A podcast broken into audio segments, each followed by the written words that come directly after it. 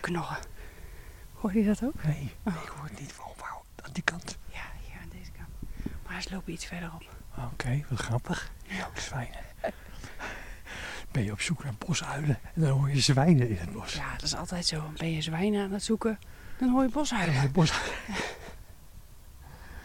We zijn een heel eind gefietst, Clara Wilke, van uh, Gelderse Landschap en Kastelen, in het eh, natuurgebied eh, De Delle. We zitten nu op een, op een soort heuveltje.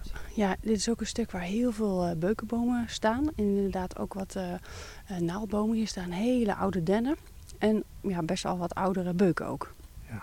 Ja. En oudere beuken, in mijn optiek, hebben die vaak ja, holletjes voor, voor bosuilen. Ja, zeker. En eh, zeker als er ergens een, eh, een tak eh, uitgebroken is, dan wil dat nog wel eens nou ja, een mooie plek zijn waar een uil een plekje in kan vinden. Om te slapen of misschien om een nest te bouwen. Dan zou je dus zeggen dat bosuilen eigenlijk alleen maar in het bos voorkomen. Want in een stadspark, daar worden natuurlijk alle takken die eventueel gevaar kunnen opleveren onmiddellijk afgezaagd. En dan blijft er heel weinig nestgelegenheid over.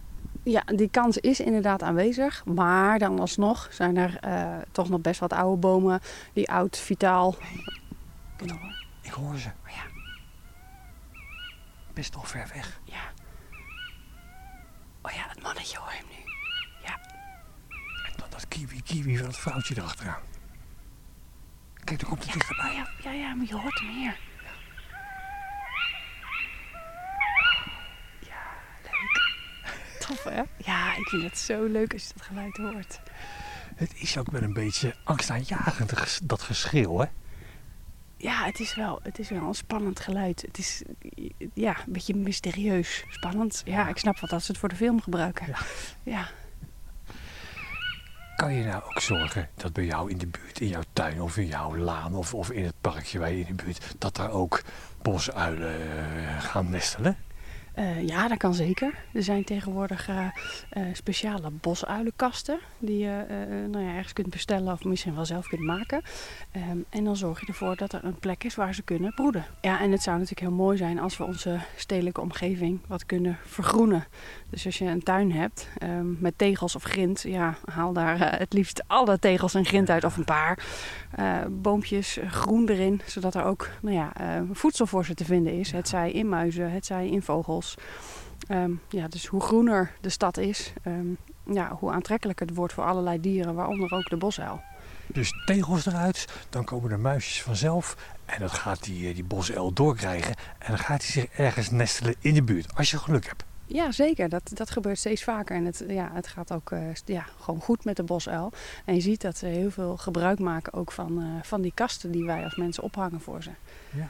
Want het is natuurlijk wel zo dat de bosuil het tij een beetje mee heeft. We laten al die dode bomen in het bos tegenwoordig staan. Ja. Dus is er veel meer nestgelegenheid. Ja, zeker. Ja, eh, vroeger was echt de gedachte in het bos van eh, alles wat dood is, eh, ja, moeten we opruimen. Want het is gewoon een rommeltje in het bos en dat is geen gezicht.